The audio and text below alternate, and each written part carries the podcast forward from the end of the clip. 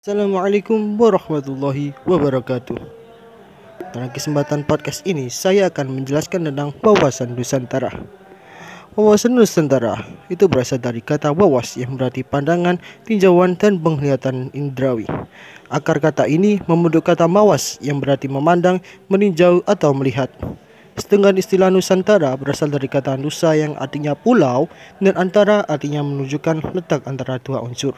Jadi kesimpulan dari definisi Nusantara ialah kesatuan pulau yang terletak antara dua benua yaitu benua Australia dan benua Asia dan dua samudra yaitu Samudra Pasifik dan Hindia.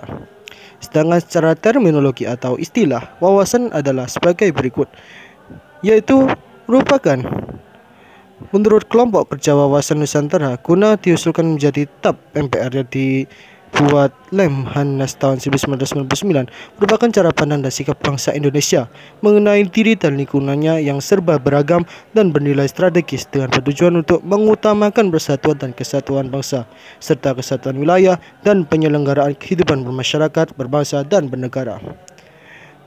Wawasan Nusantara sendiri terdapat dua landasan dasar, yaitu yang pertama landasan Pancasila, yang kedua landasan Undang-Undang Dasar Negara Republik Indonesia tahun 1945 atau disebut landasan konstitusional.